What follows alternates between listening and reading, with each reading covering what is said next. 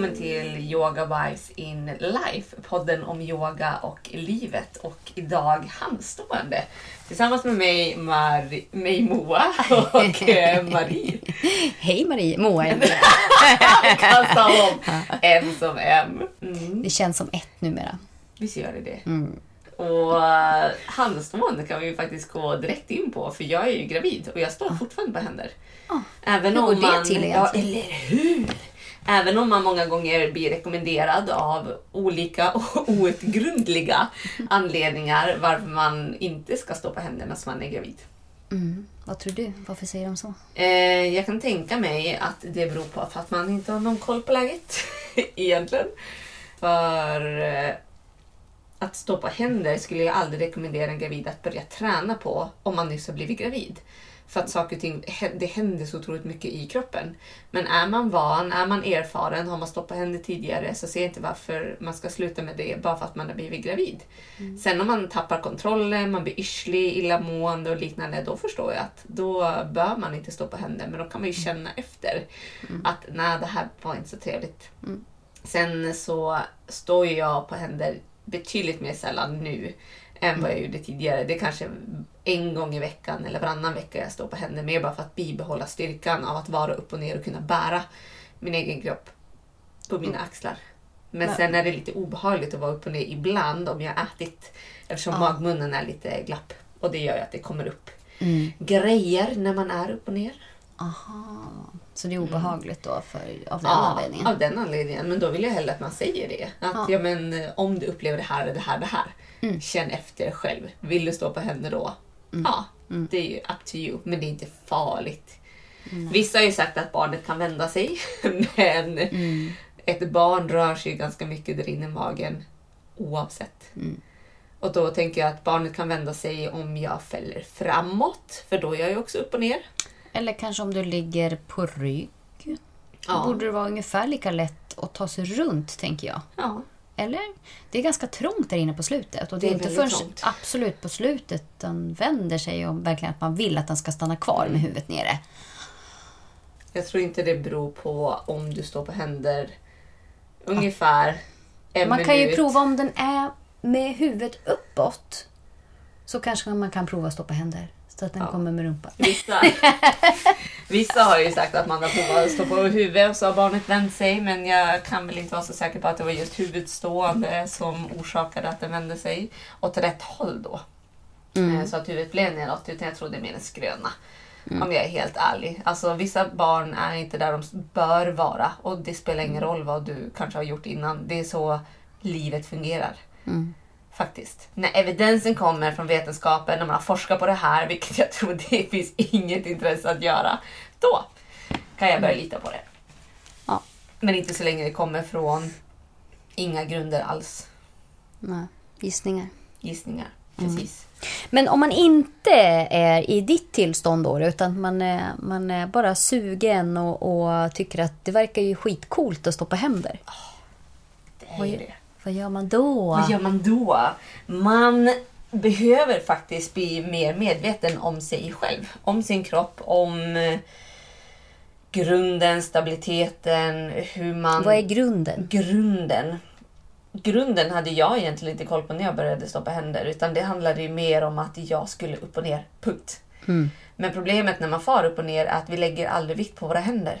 I vanliga fall. I vanliga fall. Så våra händer är inte jättevan vid att vi lägger hela vår kroppstyngd på fingertopparna och handflatorna. Så den vet inte riktigt hur den ska bete sig. Utan det hamnar där det hamnar. Att det blir lite, jag brukar säga som små döda fiskar där nere. Och vi vill ha aktivitet i händerna. För om man, jag brukar rekommendera att man ställer sig upp. Och det kan du prova om du lyssnar. Att du står upp, sen lyfter du dina tår. Sen ställer du dig på ett ben. Och så märker du om det är lätt eller svårt att balansera. Och sen sätter du ner alla dina tår. Och så märker du om det blir någon skillnad. Och mest troligen blir det en skillnad för våra tår har otroligt mycket med vår balans att göra. Likväl som våra fingrar har med vår balans att göra. Och fingrarna, om man kollar på sina händer och så kollar man på sina fötter så är ju fingrarna betydligt större procentsats av handen än vad tårna är av fötterna. Mm. Så fingertopparna blir ju väldigt värdefulla när vi väl ska börja få ner dem i golvet. Det man måste börja däremot med Eftersom när vi balanserar på fingertopparna och handflatorna slutar vi framåt. Och våra fötter är van med det. Tar du en bild från, på dig själv från sidan så kommer du kunna se att du är lite framåtlutad. För att det blir en viloposition då. Men våra händer, att komma upp till 90 graders vinkel och kanske till och med förbi det. Vi behöver verkligen jobba med att värma 90 upp graders vinter-Iva i vinkel i vad då, om jag får fråga? handleden. I handleden, så fingertopparna framåt eh, och då armen rakt upp Ja. ifrån vristen Tänk typ plankan. Tänk typ plankan. Mm, det är att 90 du, grader. Det är 90 grader. Och att du vill försöka få axlarna ovanför fingertopparna. Just det. Mm. Ja, det kan vara väldigt svårt för många. Ja, och ibland så är det ju att det är ben mot ben innan handleden som tar emot för att vissa är ju genetiskt stelare där.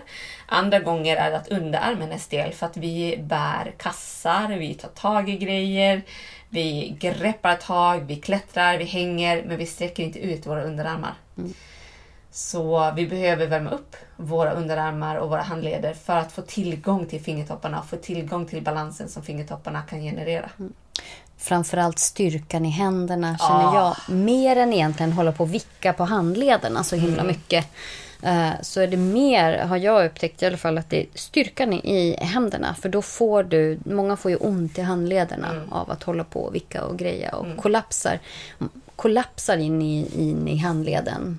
Så bättre då att få upp ordentlig styrka i händerna Mm. och fingertopparna. Och det är alltid det vi pratar inom yogan, att du ska ju inte bara vara rörlig i led, du måste vara stark. I den leden, så när du värmer upp, det är ju inte bara för att bli mjukare, det är också för att bli starkare och väcka tillgång en intelligens till dina händer. Och det är så kroppen fungerar. Det, jag, jag har ju varit på coachutbildning idag Ja, berätta. och då så sa kvinnan att vilken stortå är varmast, höger eller vänster? Höger. Mm. Du kände det ganska fort, men jag var Ja. tvungen att tänka efter. Jag bara shit, vilken stortå är varmast? Det tog nog en halv minut för mig innan jag kunde känna det. Och samma sak med våra händer, att om vi inte har varit medvetna om dem så behöver vi tänka på dem. Och när vi börjar tänka på dem, då kommer de in till medvetenheten. Annars har de varit där ute i perif- periferin och vi har inte liksom haft koll på dem. Och det var så jag började stoppa händer. Jag bara ner med händerna, kasta mig upp, hoppas att jag hittar balansen någon gång. Men var du inte rädd då? då? För att ramla? Nej. Det är ju mitt problem Du- att jag en har som in, Ja, jag har nog inte varit rädd för att... Ingen, inte vad jag minns, för jag ramlade väldigt mycket eftersom Ja. det fungerade ju inte det här med att inte vara medveten om grunden, om händerna. Utan jag tänkte bara det kommer bara hända av sig själv. Mm. Men det gjorde det inte. Så ramla har jag aldrig varit rädd för. Men när jag väl fick koll på grunden, på fingertopparna, på underarmarna, på styrkan, stabiliteten. Sen dess, det, det är ju flygande meditation. Eftersom jag hänger kvar där uppe. Mm. Definitivt. Härligt. Men när hände den här vändpunkten då? När du slutade att bara kasta dig upp och hoppas på det bästa? Vem var det som, eller hur, hur hände det? Patrick Beach var är ju handstående expert från USA som var väl den första som började nagga på det. Ehm, Men det var egentligen Dylan Werner, som också är en handstående expert från USA, som fick mig att förstå hur extremt viktigt händerna är. Och att man kan värma upp dem och det är helt okej att de ömmar så länge de inte gör ont. Mm. Och sen, sen jag börjar värma upp dem så får inte jag ont heller. Nej. Om jag skippar uppvärmningen då får jag ont. I handlederna? Ja. Mm. För att de är inte redo på vad som komma skall. De är inte redo på belastningen som komma skall. Mm.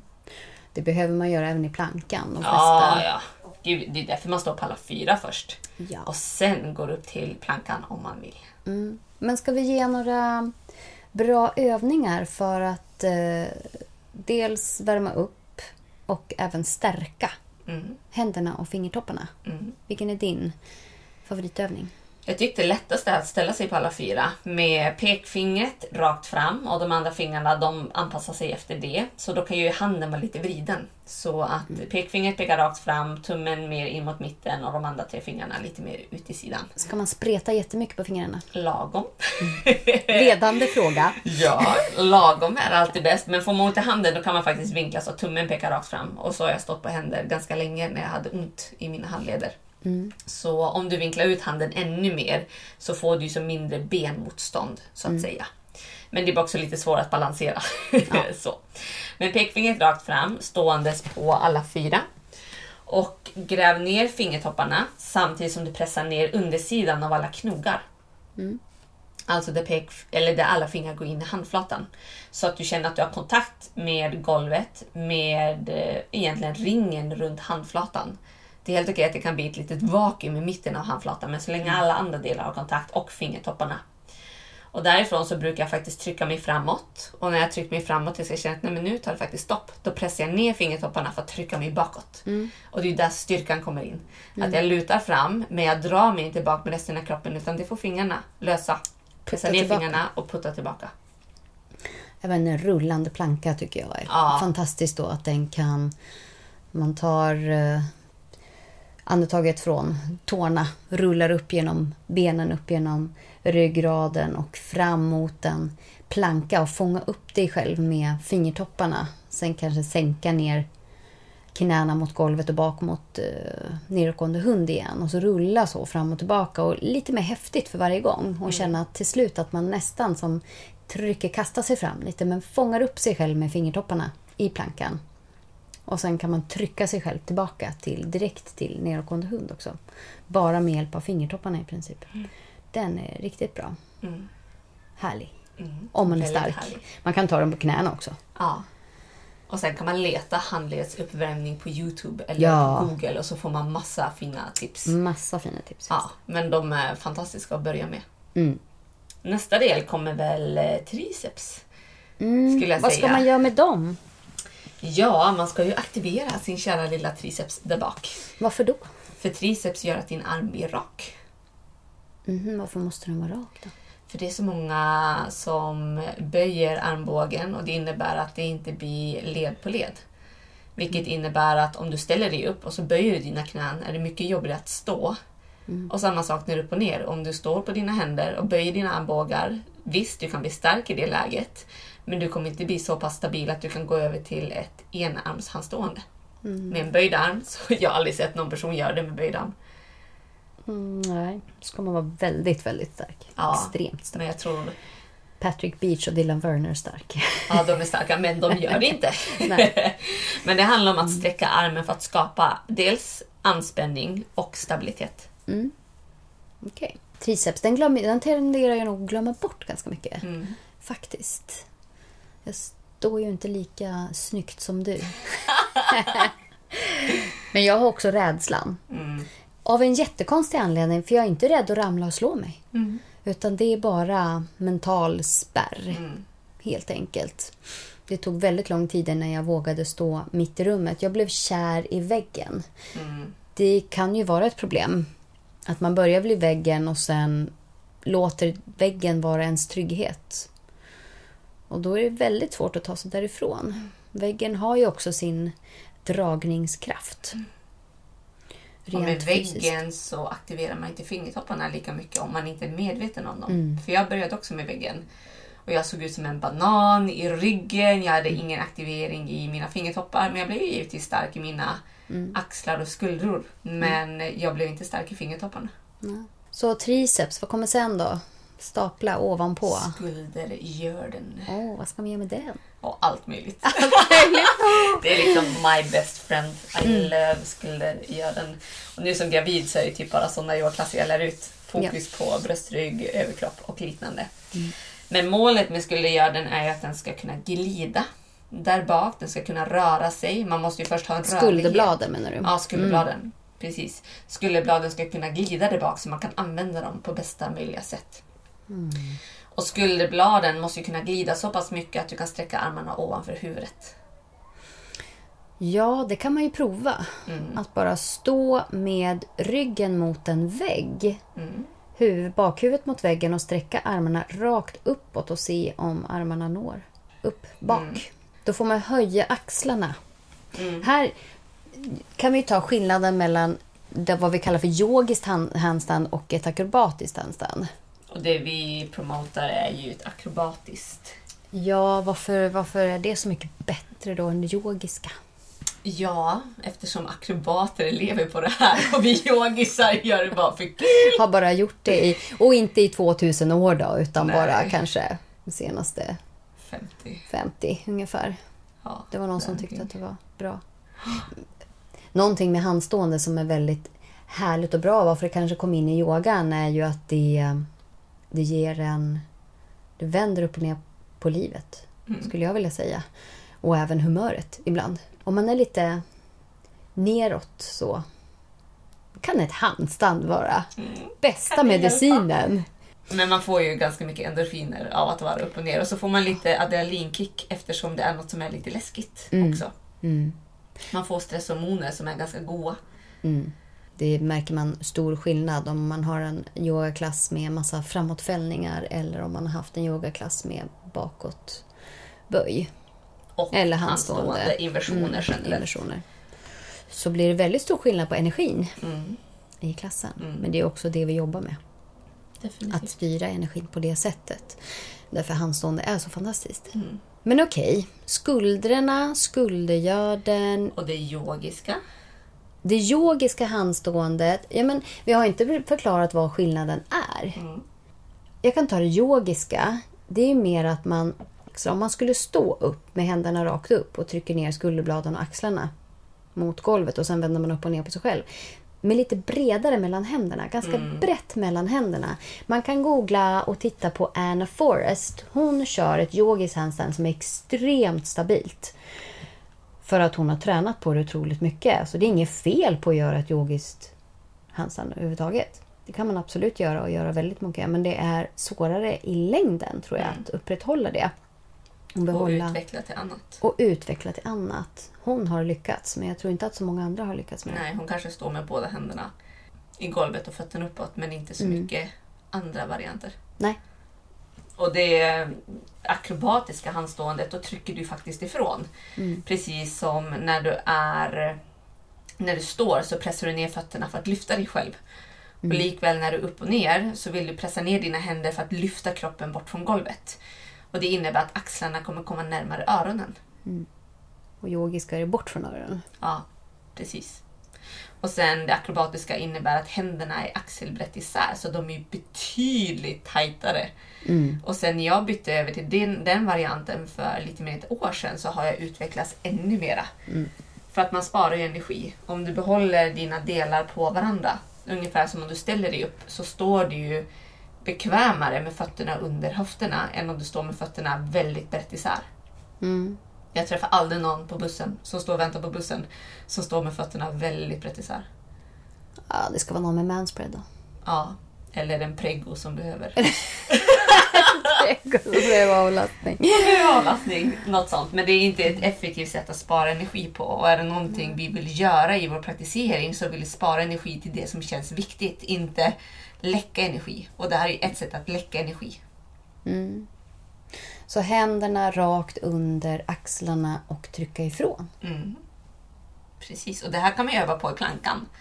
För att hitta stabiliteten i skulderbladen, att när man står på alla fyra eller i plankan, att man med spikraka armar, så denna triceps är med, att man sjunker ner med bröstkorgen och sen trycker man upp bröstkorgen. Så det innebär att man kan känna nästan att man kollapsar, att man bara hänger i sina axlar egentligen. Och sen när du pressar ner dina händer så trycker du upp och tänker nästan ringa en Notre Dame för att överdriva den rörelsen och verkligen pucklar upp bröstryggen. Och där kommer du också lära dina skulderblad att glida upp och ner. Så det är ett sätt att börja skapa den här stabiliteten i axlarna. Sen måste man ju givetvis öva på att vara upp och ner. Eftersom det är det läget du kommer komma Ja. till så småningom. Och då kan man bli lite, jag brukar säga lite korkad faktiskt. Att man inte Jo. förstår vad som är fram och bak och upp och Precis. ner. Så det är Det jättebra är att använda stol faktiskt. Ställa en stol mot en vägg och sätta fötterna på väggen. Och där kan man ha händerna i golvet, axlarna ovanför händerna, rumpan ovanför axlarna. Och där kan man göra samma sak. Sjunka ner med spikraka armar, det är det som är det svåra. Många brukar böja dem i det här läget för att det är lättast. Vi är av naturen lat. Så med raka armar, sjunka ner och det kommer vara en minimal rörelse och sen trycka upp. Och du kommer märka att uppåtläget är jobbigare än nedåtläget. Så det är svårare från början. Och även hitta stabiliteten där i det läget. Det kräver mycket mer. Mm. Men när man väl är där och har jobbat upp den styrkan så har man större utvecklingsmöjligheter menar du? Makes sense. Men det är ju också en hel del rörlighet som kopplas samman till skulderbladen och bröstryggen. Bröstkorgen egentligen. Och var är vi moderna människor stela? Där. Vi sitter ju ganska mycket så bröstmuskulaturen på framsidan blir ju ganska tight. Ja. Och det innebär att vi måste jobba med en hel del öppnande positioner med mycket rörlighet kring bröstryggen. Och sen då? Vad måste man ha sen? Sen kommer väl eh, kåren, Mm, bålen. Ja. Den är jobbig. Mm, den är jobbig och den har lite samma med benen för man glömmer bort benen i handstående. Mm. Om du någon gång har sett någon göra ett handstående så kan man se att de har stenkoll på överkroppen men när fötterna kommer är det som en sprattlande liten bebis. Och så sen i luften kommer de ner och så landar de och så kastar de upp. Och så kommer de ner. Så benen bör man ju också ha lite koll på. Men där handlar det kanske mest om anspänning. En del rörlighet i baksidan så att man kan kicka sig upp. För det är det första kanske många inte kan. Att man inte kan kicka sig upp för att man inte har anspänningen i benet. Mm. Man kan tänka det ett ben man har det i golvet, sträcker ut det andra rakt bak och verkligen sträcker det benet. Man låt säga att du har vänster fot i golvet, sträck höger ben rakt bak, sträck det riktigt ordentligt. Och sen använd vänster ben som en fjäder. Man verkligen böjer benet och sen kickar ifrån med den samtidigt som man spänner det bakre benet. Hoppar upp. För om båda är mjuka så kommer det inte att gå. Nej. Det är som försök ta upp en med, medvetslös människa från golvet. Ja, Det är inte lätt. Och samtidigt ta upp en människa som spänner sig och då kommer det gå betydligt lättare. Och samma sak med handstående. Att har du anspänning i kroppen så kommer det bli så mycket lättare än om det är någon del som är en liten spaghetti. Okokt, nej kokt, kokt spaghetti. Men även det här med rumpan. Att man tänker så mycket på att man ska få upp benen men glömmer bort rumpan. Det är faktiskt den som är den tyngsta delen. Benen är ju Höfterna. väldigt lätta jämfört med höfter och rumpa. Så man egentligen fokuserar på att få upp rumpan ovanför. Men det är där också rädslan kommer in. Absolut. För att när höften väl kommer framåt kommer din tyngdpunkt framåt och då måste du kunna bromsa den tyngdpunkten. Och vad gör man det med? Med fingrarna! Just det, där kom de tillbaks. Bromsen. Vad är gasen då? Om, om eh, fingertopparna är eh, bromsen, vad är gasen? Förutom benet då som du hoppar upp med. Jag skulle säga att handflatorna faktiskt är gasen. Att när du väl har så pass koll på dina händer så nedersta delen av handflatan kommer ju trycka kroppen framåt så att du faktiskt kan hålla balansen. Så håller du på att åka bak då kan du trycka fram dig till fingertopparna igen. Jag har ju då en tendens att använda mina fingertoppar mycket mer. Så jag ramlar ner igen. Men det har med rädsla att göra också såklart. För det är läskigt att vara där framme. Det är ju det. Mm. Och då blir man en banan. Bananen i ryggen kan ju dels bero på rörligheten i bröstryggen, bröstkorgen, men kan också bero på att man inte har riktigt kontakt med magen. Och jag träffar väldigt många som säger att shit, men jag, hur ska jag få kontakt med magen? För att när du är upp och ner är det nästan som att du ska lära känna en helt ny kropp. Ja. Så du måste lära känna din bål på ett helt nytt sätt med tanke på att dina inre organ kommer vändas upp och ner och med gravitationen åka åt ett litet annat håll än vad de är van vid. Och vad du är van vid att spänna magen i det läget. Jag hade en hel klass förra veckan här med just kontakten mellan skuldergörden och magen. Väldigt, ganska lätt att hitta faktiskt när man väl gör övningar på det. Säger står- Marie som har den sjukaste kontrollen på sin kropp. Nej, det vill jag absolut inte säga. Men däremot är det väldigt mycket lättare när man står upp. Jag tror alla som var på den klassen lyckades med det. Men däremot när man är upp och ner så blir man ju som sagt lite korkad. Och då tappar jag kontakten, tror jag, på grund av rädsla. Mycket svårare att koppla på det då. Men man måste lära sig det när man står eller ligger ner är också en bra idé. Ligger ner på golvet och hittar den här kontakten först. Lär kroppen att känna när man är rak. Än att bara testa upp och ner hela tiden som du gjorde från början. Bara slänger upp, slänger upp, slänger upp. Det är mycket svårare då. Lär kroppen de här pathways. Mm. Och när du väl ska hitta dessa pathways så är det faktiskt ganska bra att träna bålen och benen i ett utsträckt läge. Mm. Alltså typ ligga på golvet med händerna ovanför huvudet med anspänning i magen och börja med fötterna rakt upp mot taket. Så- Menar du att crunches inte hjälper? No! Va? Oh my god! Så inga situps. Så liggandes på rygg, händerna ovanför huvudet, flexade händer där fingertopparna pekar ner i golvet och redan nu så börjar du spänna till magen. fötterna upp mot taket. Och sen sänker du benen långsamt ner mot golvet och då kramar du benen mot varandra så att du känner anspänningen i benen hela tiden. Och så sänker du benen så långt ner som det är möjligt. För man måste ju träna bålen på det sätt som du kommer använda den när du är upp och ner. Smart, smart. Men tråkigt. Eller? Ja, det beror på hur man ser det. Man måste ju ha en ganska stor dos tålamod för att jobba med handstående. För det är väldigt få människor som klarar av handstående fort. Och många gånger så har ju de kanske inte bästa tekniken då heller. Nej. Eftersom de inte har fått kämpa sig igenom varje steg. För ju mer du kämpar dig igenom varje steg, desto smartare kommer ditt nervsystem bli. Desto mer medveten kommer ditt nervsystem att bli vad du vill göra och den programmerar kroppen utifrån din dedikation. Men om man nu lyckas stå med att stå eh, utan snygg teknik då, då? Spelar det någon roll egentligen? Om jag bara vill stoppa hem där och hänga där och lyckas med det genom att kanske med särade med en fot fram och en fot bak och sådär. Spelar det någon roll egentligen? Om man bara vill ha kul. Det finns mycket man bara kan ha kul med. Man frågar lite fel personer. Yogalärare, PT-utbildade personer som vill att folk ska känna... Ja, men det handlar ju faktiskt om att lära känna sin kropp. Handstående är en resa till det. Och en omedveten kropp är ju något som kan leda till skador ibland, behöver inte göra det. Men har du anspänning i kroppen, då skyddar du kroppen på ett helt annat sätt än om du bara skiter i det. Så om man tänker att man ska göra en sån här cool grej, komma upp i handstående och sen falla över ner i bryggan till exempel. Så kan Vill du gärna ha koll på läget? Vill man gärna kolla på läget. I och för sig så när jag gjorde det första gången så råkade jag komma över och jag hann inte vrida mig när jag föll. ja. Så jag kom in i en brygga. Men då Mm. hade jag redan stenkoll på bryggan i min vanliga praktisering och stenkoll på handstående. mm. Så du gjorde inte illa dig? Nej.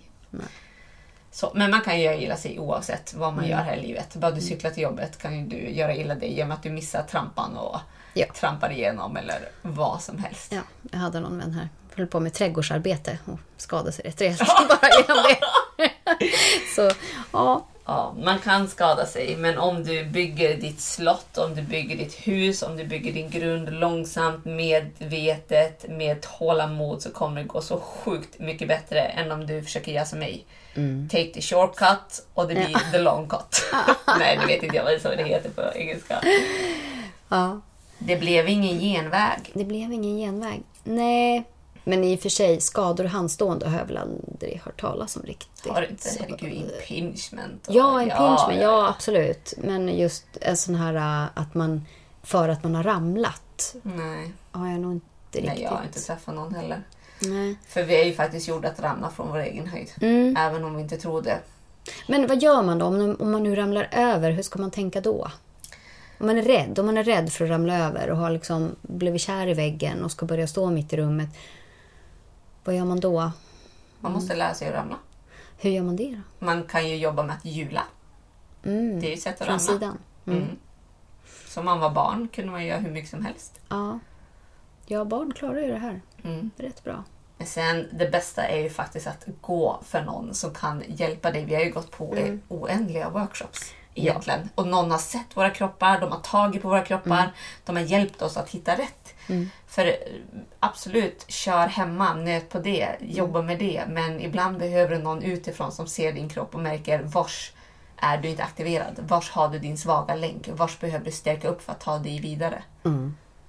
Och det finns ju väldigt många handstand workshops numera. I Stockholm finns det hur mycket som helst. Ted Sikström. I Göteborg har vi Elaine de Souza som är experten i Hon kommer ju hit ibland Hon kommer hit ibland också. Vi har Moa i Umeå såklart. Nu får vi se hur länge till du jobbar. Men sen i oktober så då Mm. kommer det tillbaka workshops. Och även PT-timmar går ju bra. Mm. Så absolut, ta, är man verkligen, verkligen nyfiken, gå på en workshop eller ta hjälp av en PT. Och öka belastningen successivt. Mm. Och sen kan man också tänka att det är inte bara yogalärare då som kan lära ut handstående. Är man intresserad av handstående kan man ta kontakt med en akrobatikskola. De är ju verkligen duktiga på det här. Mm. Men det viktiga en gång är progressionen. Ja, Ja, inte bara att tänka kasta sig less på en gång. is more. Ja. För dina händer är inte vana att bära din vikt. Så Nej, träna på det först. Ja, börja långsamt. bestäm dig för några gånger i veckan. Jag brukar säga tre gånger i veckan är ju magiskt. Om man Mm. får till det en gång i veckan, fantastiskt. Lika väl det. Men kör då kanske Tio minuter per gång. Ja. En halvtimme kommer inte hjälpa så mycket. Helst om du inte är så stark i överkroppen, vilket de flesta inte är. Utan man måste få bygga upp det successivt så att kroppen vänjer sig vid den nya belastningen. Vad ska vi köra för meditation på det här då? Det var ju svårt. Jag tror det är mer andning. Andning. Mm. Det är en bra. Vi kör en pranayam. Mm. Det kan man också tänka på utandning. Men, eh, Mm. Kör du på inandning eller utandning? Jag kickar ofta upp mig på ut- en utandning. På en utandning och sen stannar man där. Precis, för då är det mycket lättare att få kontakt med kåren Mm på en utandning. Så det kan man också prova när man hoppar igenom. Någon, en sak som är väldigt bra och som jag körde med en lärare. Vad hette han då? Kommer jag inte ihåg faktiskt. Oj. Ehm, han lärde ut handståendet egentligen genom att ja, gå igenom grunderna men för att nöta in det i solhälsningen. Att varje gång faktiskt våga hoppa fram, att satsa på att komma upp i handstående men göra den väldigt långsamt då. då. Såklart. Att det kommer in i ens practice. Att man inte tänker varje gång att nej men jag ska bara hoppa fram. Jag gör inte det här. Mm. Vill man jobba på det, får det in i din dagliga rutin. Gör du solhästning varje dag? Ja, men, Eller när du går på klasser. Det är ju alltid jag. ja. Även om de säger kliv fram, jag bara skutt. ja. om de inte bromsar upp och gör annat. Men Ja. du kan alltid väva in handstående, du behöver bara vara lite kreativ. Och se till att om du är rädd för att ramla över, kanske ha lite plats omkring dig. Precis. Det är inte så schysst att ramla på en annan människa. Mm. Det är inte schysst. Mm. Så där ser man till då att ställa sig på ett sånt ställe där man inte har någon framför sig kanske. Typ längst fram i salen Ja. är ju oftast det smartaste. Ja, jättebra. Mm. Men stort lycka till! Hej då! Hej då!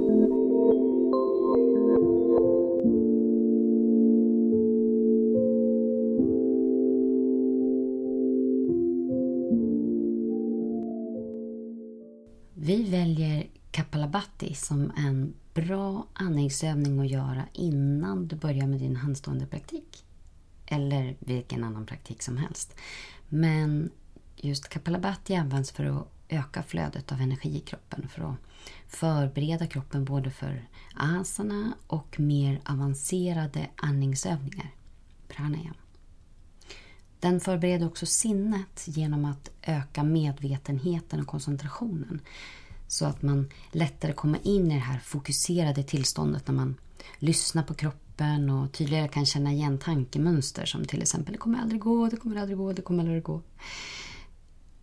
Och det kan vara ganska bra att ha den medvetenheten innan man, precis som Moa gjorde, kastar sig in i sin handstående praktik och bara ganska mindlessly försöka komma upp, vara mer medveten både i kropp och i sinnet. Kappala betyder skalle och batti betyder ljus eller klarhet eller även kunskap. Så ibland översätts Kapalabhati till skinande skalle eller shining skull. Och man kan säga som att ditt sinne kanske har blivit lite sotigt av tankar och ungefär som ett glas som har blivit sotigt av tankar, mönster, stress. Och att göra Kapalabhati är som att putsa det där glaset i ditt sinne och kroppen som gör att du ser klarare och tydligare känner vad som händer i kroppen.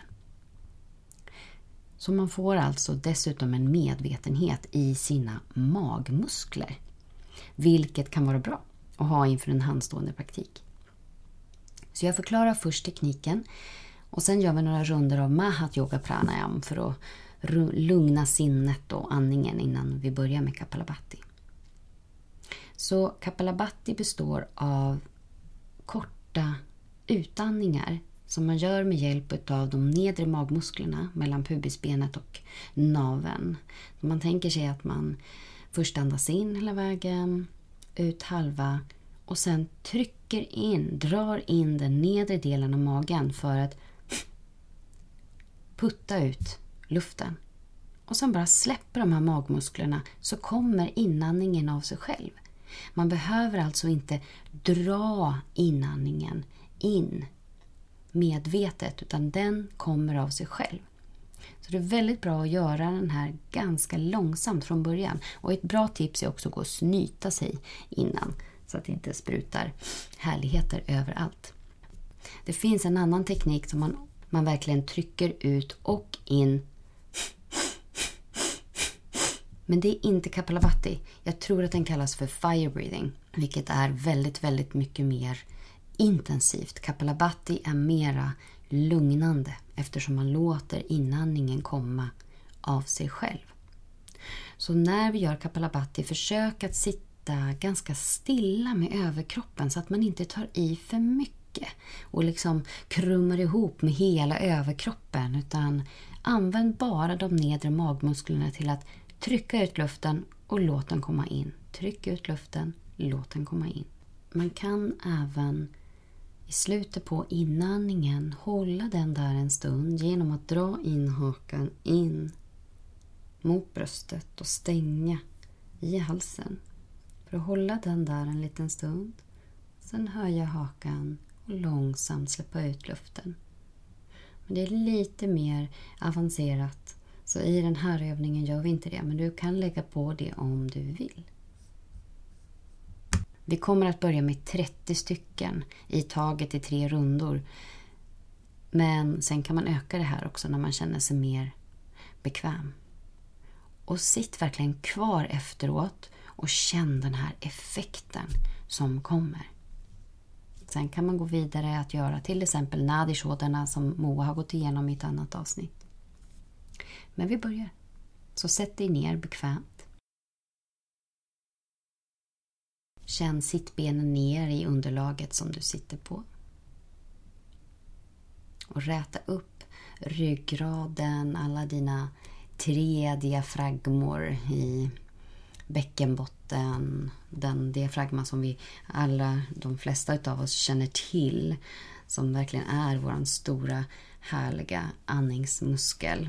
Precis under, under bröstbenet och sträcker ut sig och avdelar hela, hela buken. Och sen även har vi en annan diafragma längst upp vid halsen. Så man tänker sig att man linjerar de här tre diafragmorna längre i ryggraden, toppen på huvudet upp. Men ändå mjukna i axlar, mjukna i ansikte. Blunda gärna. Och bli medveten om andetaget.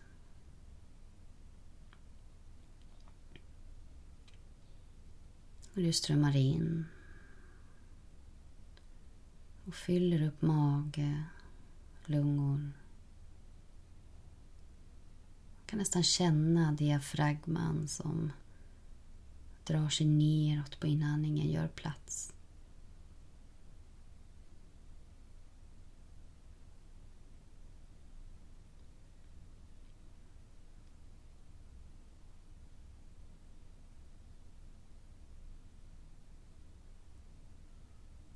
Bara några rundor av Mahat Yoga Pranayam när vi andas in i magen. Ut mot rebenen. Upp mot nyckelbenen. Och ut samma väg, mjukt.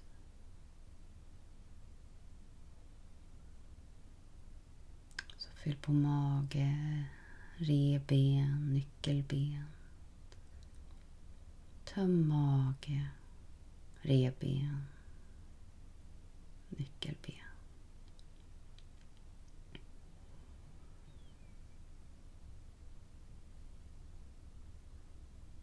Expandera för varje andetag. Bli mer medveten. Känn andetaget hela vägen ner i sittbenen. Hur andetaget även stöttar upp ryggraden.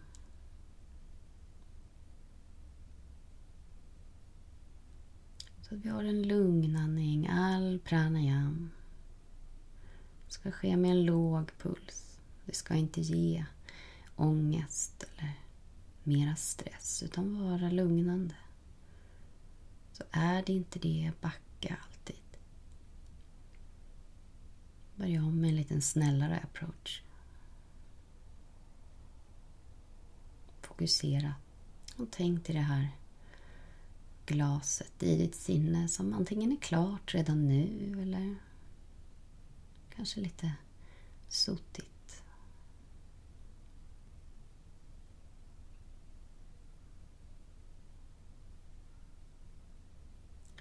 Och nästa omgång, i nästa utandning Andas ut halva vägen och tryck sen med nedre delen av magen ut luften. Vi kommer att göra det 30 gånger. Ett tips är att sätta sina händer på låren och använda ett litet tryck med fingrarna. För varje utandning så trycker man med ett finger och då är det lite lättare att komma ihåg hur många man har gjort så man inte förlorar sig totalt. Andas ut halva vägen och 30 kapalabhati.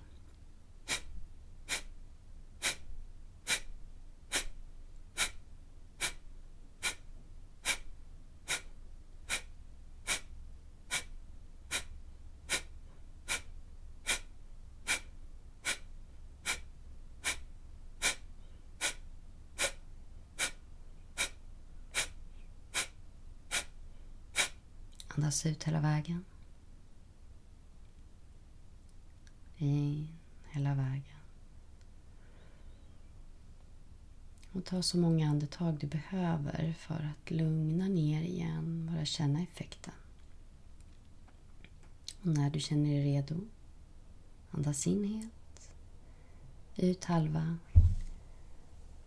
och 30 kapalabat.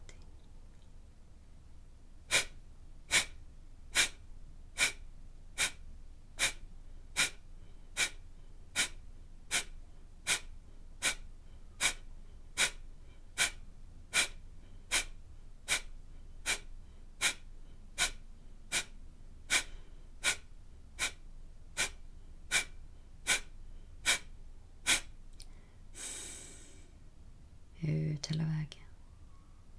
In lugnt.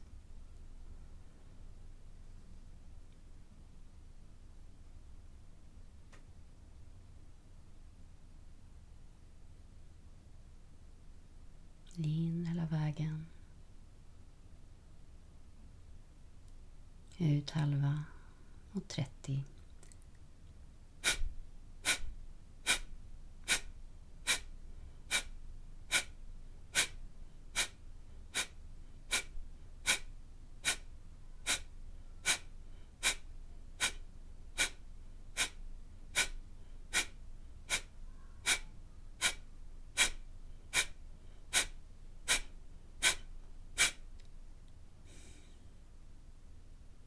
Ut hela vägen.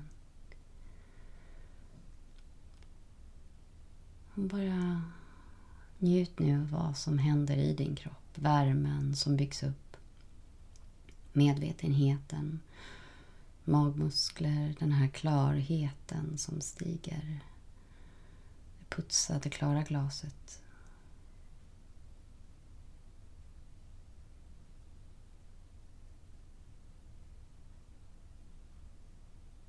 Och här är det väldigt skönt att göra en adishodana efter den här. Växelvis andning in. Genom vänster, ut genom höger, in genom höger, ut genom vänster. Så antingen gör den och sen kan man utöka det här antalet